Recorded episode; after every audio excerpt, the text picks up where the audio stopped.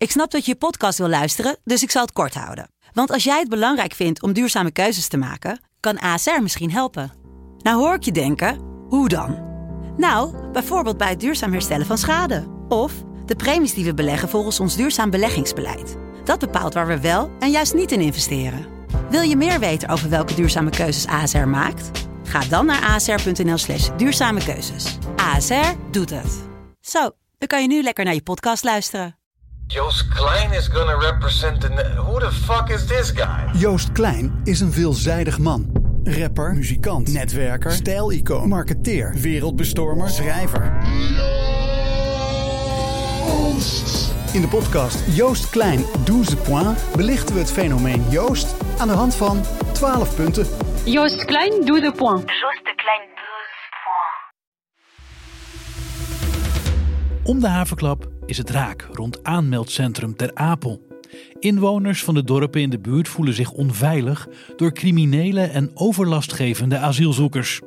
Er is te weinig politie en de regering komt beloftes om die overlast aan te pakken niet na. Verslaggever Bart Olmer weet hoe het eraan toe gaat. Ik mocht drie dagen meerijden met de politie om zelf te zien hoe druk ze het nou eigenlijk hebben met het aanmeldcentrum Ter Apel. Je luistert naar Radio Ramkraak, de wekelijkse misdaadpodcast van Leeuwarder Courant en Dagblad van het Noorden. Iedere week praten de verslaggevers van deze kranten je bij over misdaad in Noord-Nederland. Vandaag is dat dus Bart Olmer. En samen met hem ben ik in Ter Apel, op een voormalig defensieterrein naast het aanmeldcentrum. Hier eindigde een paar weken geleden een achtervolging. Op een van de diensten eh, kreeg de politie de melding dat een auto, er van- een golfje er vandoor eh, spatte. Ehm, die reed zich claim, want daar ging de, de- volgens mij kwamen er wel zes eh, auto's eh, van, en de politie en van de Marseillais eh, op af. En die, met een enorme vaart dook hij hier eh, in de sloot. De auto, auto bleef nog wel aan het praten overigens, bleef nog wel lopen. We staan aan de rand van die sloot waar, waar die golf in lag. Waar, eh, waar lag die precies? Kun je dus aanwijzen? Hij lag hier eh, eh, tussen die eh pompenbladen op zijn dat? Tussen die waterlelies. tussen die waterlelies. En ehm, uiteindelijk ging hij eh, aan de andere kant van de sloot, achter dat eh, bruine gebouw met dat nummer 7 ging hij toe. En eh, helemaal rond. En daar, tussen die gebouwen door, dan zie je die bosjes.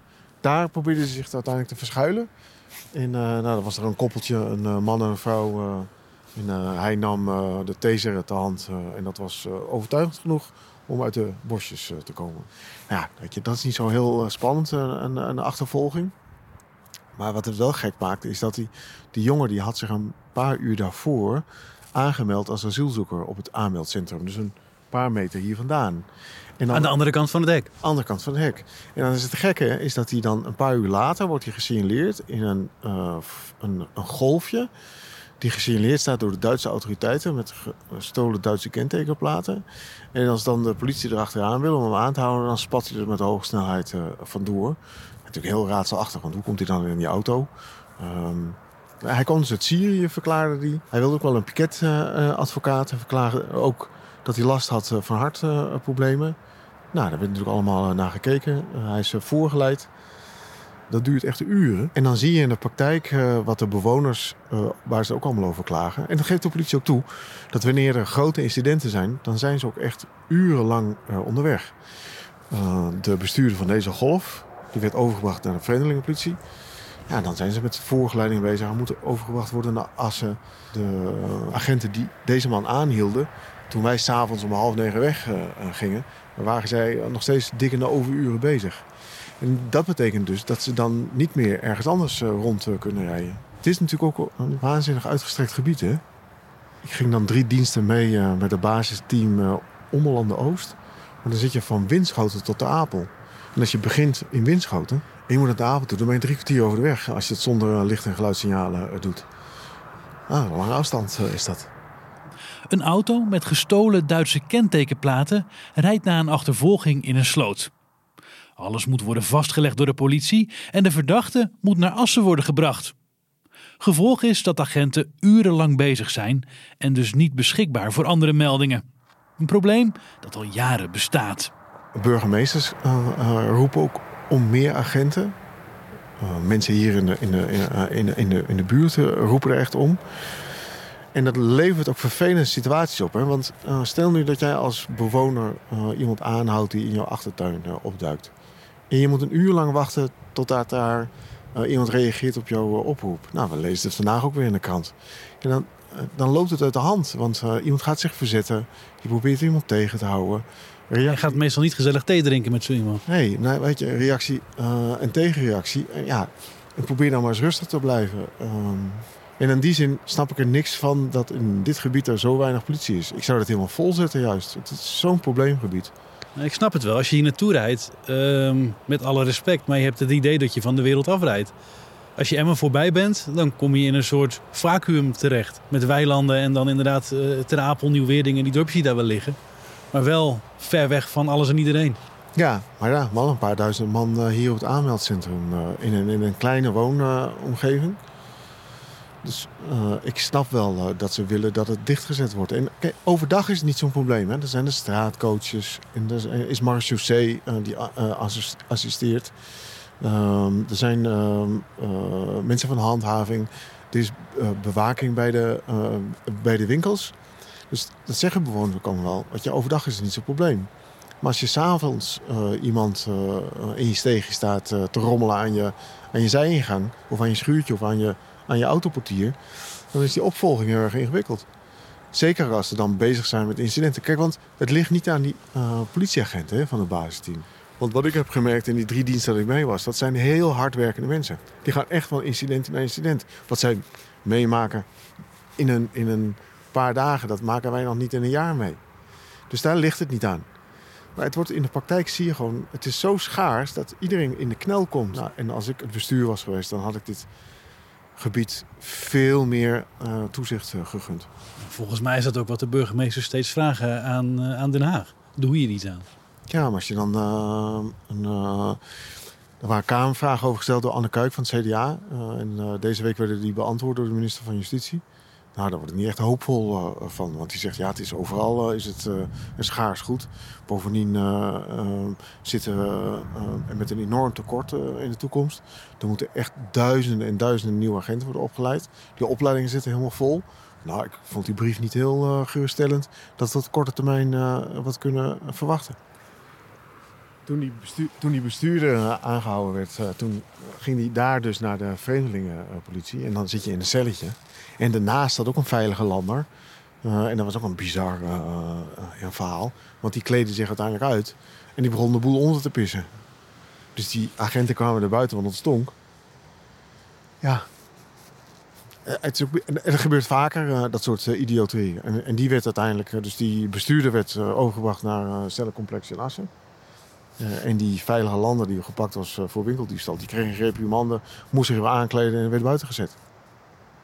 Dat is de praktijk. Gaan we eens een stukje verder kijken. Ja, we even naar het hek van de procesbeschikbaarheidslocatie toe. Dat is goed. Dan kunnen we daarna nog even naar de vreemdelingen. Te voet of lopend? Wat, uh, of met de auto? Nou, met de auto maar even. Ja, gaan we doen. De PBL, oftewel de procesbeschikbaarheidslocatie. Een opvangplek voor kansarme asielzoekers en overlastgevers. En samen met Bart ga ik daar even kijken. Want dit moet de oplossing zijn om overlast en criminaliteit tegen te gaan. Verantwoordelijk staatssecretaris Erik van der Burg beloofde een paar weken geleden dat die opvanglocatie snel wordt uitgebreid naar uiteindelijk 100 plekken. Maar het geduld bij inwoners van Ter Apel is op. Want er wordt al zo lang beloofd dat de overlast wordt aangepakt. Bart en ik stappen in de auto en rijden een paar honderd meter verder. Nou, eens even kijken auto is achteruit. Niet de sloot inrijden. nou, waar je dan nog wel 15 meter moet volgens mij. Voordat je daar bent.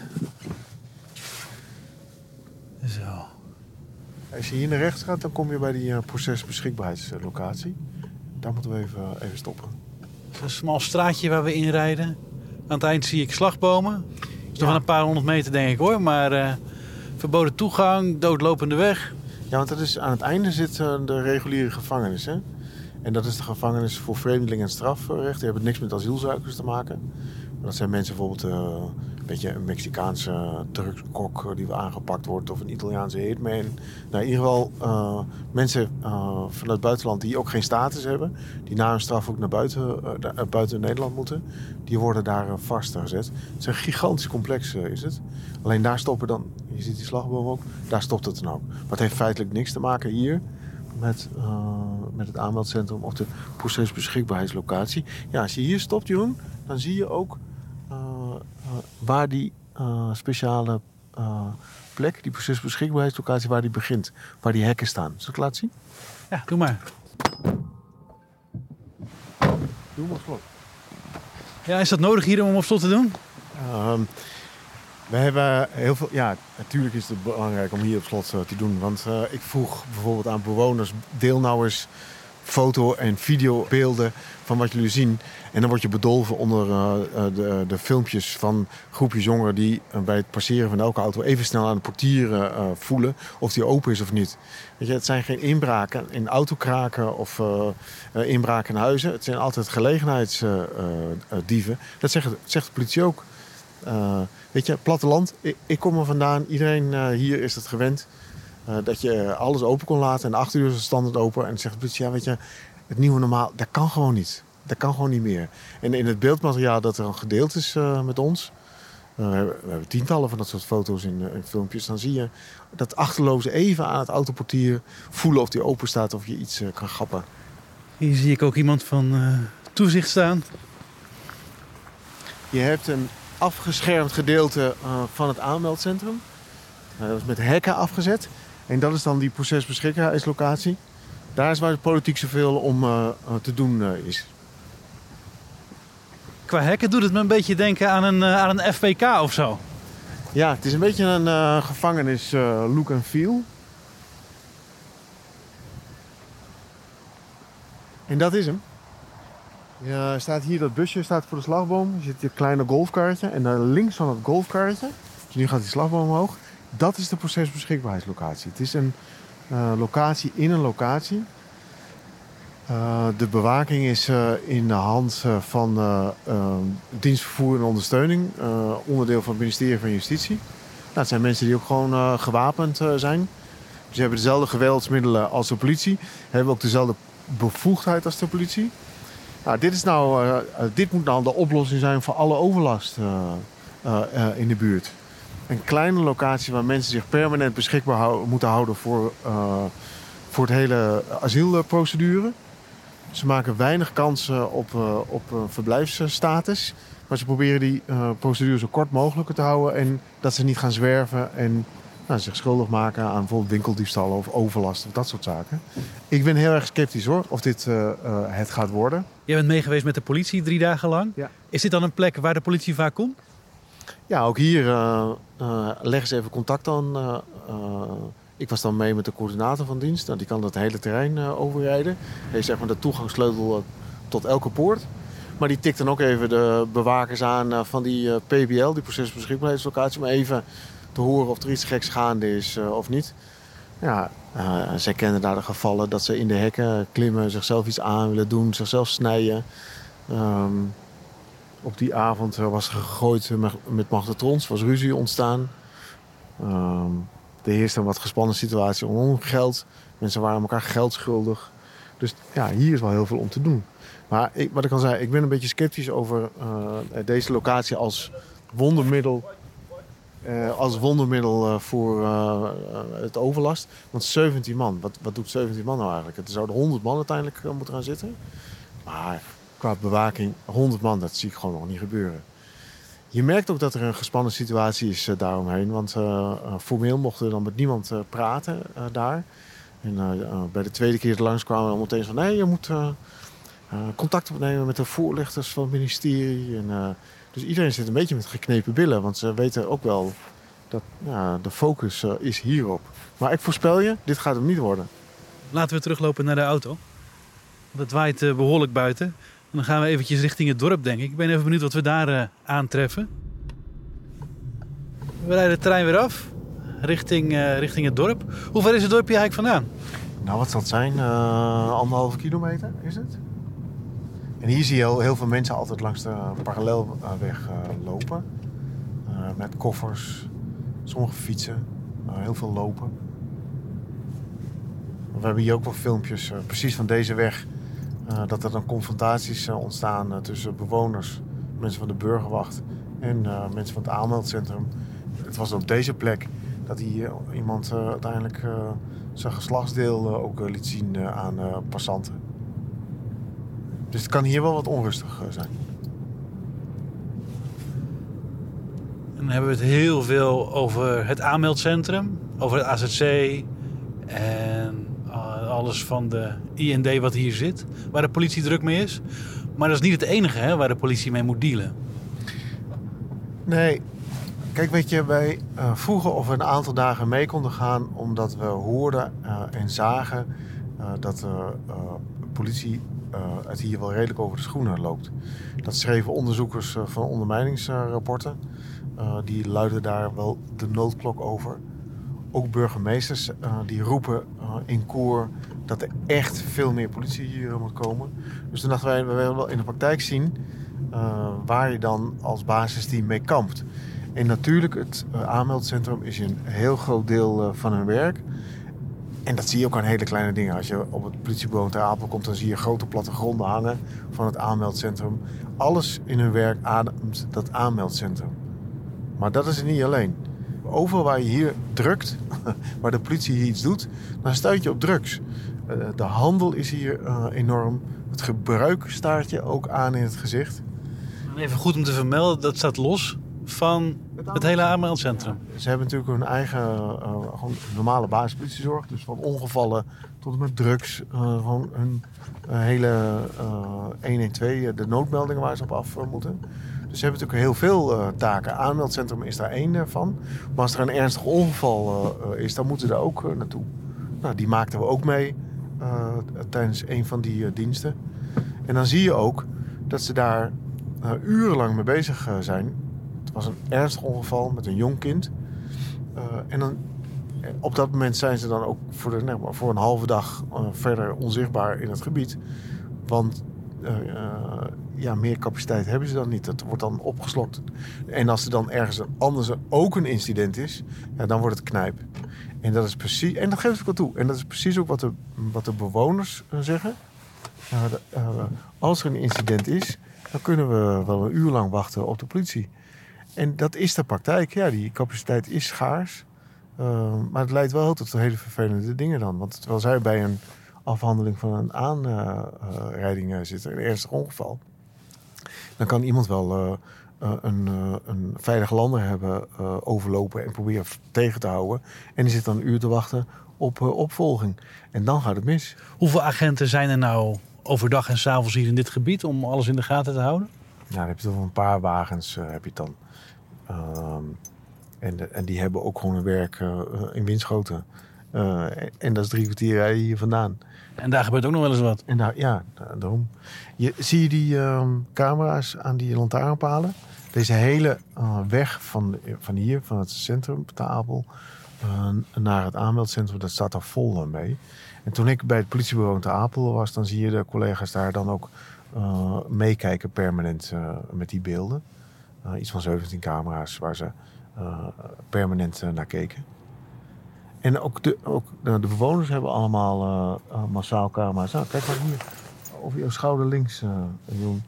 Weet je, die hangt er ook niet voor niks. Nee. En al dat soort beelden, die, die, die zijn gedeeld met ons.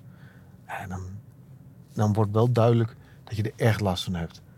Dat je elke keer in je auto wordt gevoeld, of aan je deur wordt gerommeld, of s'nachts aangebeld, of je misschien niet thuis bent, of er iets te halen valt.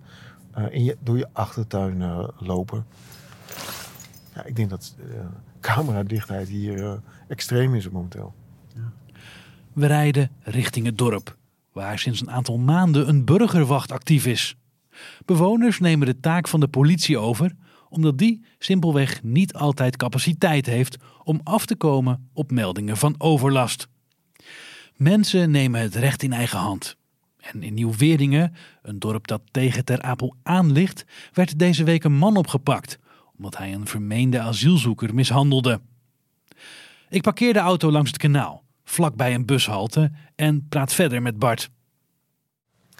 Eh, laten we voorop zeggen, eh, burgerwachten, dat is niet uit luxe geboren. Dat is niet omdat die mensen dat dan zo graag eh, willen doen. Ehm, iedereen houdt wel zijn hart vast wat daarvan de uiteindelijke ontwikkeling is. Want de beelden die wij zien, waar iedereen van geschrokken is... dat is aanhoudingen uiteindelijk uit de hand zijn gelopen. Dat mensen met tie wraps op hun buik ergens in een veldje liggen. Of met bebloede handen. Of hier, nou, wijs maar even, in deze gracht eh, eh, belanden, gegooid, geduwd of gesprongen. Maar iedereen feest, dat loopt een keertje uit de hand. Een tijdje geleden hadden we eh 50 man of zo. Die, die gingen met een klopjacht rondom een maisveld. Met een drone zelfs stuurden ze omhoog. En een hoogwerker om dan iemand uit het maisveld te halen. Dat, weet je, dat vind ik wel ernstige beelden. We mogen toch hopen dat je niet een soort militie eh, eh, krijgt. Wat is, de, wat is de volgende stap? Dat mensen zich ernaar gaan kleden? Dus, maar anderzijds, ik heb er ook wel begrip voor. Eh, want als jij een uur lang moet wachten op opvolging... dan zou ik daar ook eh, dwars eh, van worden. En als dat eh, reactie, actie-reactie is waarbij iemand agressief wordt... eh, nou, probeer dan zelf ook maar eens terughoudend eh, te reageren. Dus ik vind het een hele eh, ingewikkelde eh, situatie... die volgens mij doodsimpel op te lossen is als er sodemieter meer politie eh, erbij. Die zijn getraind in een professioneel optreden. Dan hoeven die burgerwachten zich ook niet meer met dat soort dingen bezig te houden. Dan, dan heb je dat nare kantje heb eraf. Want geloof mij maar, ehm, je, je kunt erop wachten eh, dat mensen van de burgerwacht eh, of, of gewoon de omwonenden aangemerkt worden als verdachten als een keertje zo'n aanhouding uit de hand loopt. In Nieuw-Weerdingen is het eh, afgelopen week al gebeurd, toch? Dat er een 50-jarige man als verdachte is eh, opgepakt voor het mishandelen van een man zonder vaste woon- of verblijfplaats. Ja, eh, en ik denk dat het OM ook heel scherp aan het kijken is van wat gebeurt er nou eigenlijk? En welke geweldsmiddelen worden erin gezet? Want het maakt nogal een verschil, hè? Kijk, een burgeraanhouding staat gewoon in, in het wetboek. Eh, jij en ik mogen iemand aanhouden in de afwachting van de komst van de politie. Maar het wordt anders als je gaat posten of je verdekt opstellen. Dan overtreed je namelijk wel de wet. En dat is een fijne lijn. Maar de situatie is zo ingewikkeld dat de kans dat je over die lijn heen gaat steeds groter wordt. Dus ik denk dat je binnenkort gewoon rechtszaken gaat zien eh, van mensen die eh, verdacht worden van geweld tegen eh, asielzoekers. En, dat, en dan zogenaamd, omdat ze zoals als burgerwacht of als burger iemand aangehouden hebben, waarvan het OM dan eh, zegt, ja, daar ben je over de grens eh, gegaan. Als jij eh, gaat achtervolgen, eh, je verdekt opstellen, het is allemaal buiten de, buiten de orde en buiten de wetgeving. En buiten proportie. Ik denk dat daar ook naar gekeken wordt. En daarom, dat ik ook, ehm, daarom vond ik het ook zo bijzonder om de verhalen te horen van de agenten die dagelijks met dat werk te maken hebben. Die zijn wel zo reëel om te eh, blijven herhalen. Maar 3% van de mensen van het aanmeldcentrum die veroorzaken die overlast. En eh, zij, toet, ze zijn te toetsen, ze zijn te corrigeren. Je kunt een klacht indienen tegen een agent. Ehm, dat is zoals we het in het land geregeld hebben. Dat, dat willen we allemaal helemaal niet aan een burgerwacht eh, overlaten. Dat moeten die mensen ook helemaal niet willen. Hoe zie jij dit in de toekomst, eh, in de nabije toekomst ontwikkelen, Bart? Je hebt eh, drie dagen meegelopen met de politie.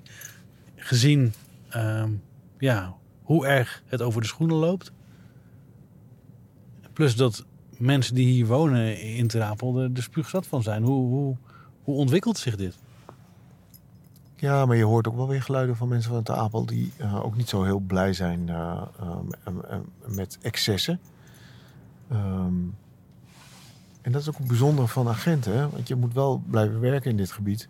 Dus je hebt ook wel wat aan je burgers. Eh, en, en een WhatsApp-groep of een burgerwacht die je melding doet, ja, eh, prima.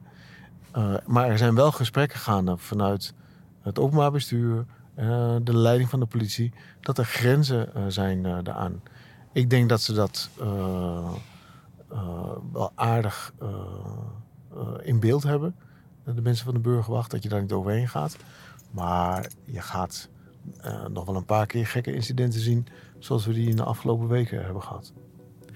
Verslaggever Bart Olmer was dat vanuit Ter Apel. En dit was Radio Ramkraak, de crime-podcast van Leeuwarder Courant en Dagblad van het Noorden. De misdaadverslaggevers van deze kranten praten je iedere week bij over misdaad in Noord-Nederland. De muziek die je hoorde werd gecomponeerd door Guido Keizer. Mijn naam is Jeroen Kelderman en ik bedank je voor het luisteren. Vind je deze podcast leuk? Vergeet dan niet om je te abonneren. En als je wilt reageren, dan mag dat ook. Laat gerust een reactie achter in de comments. Tot volgende week.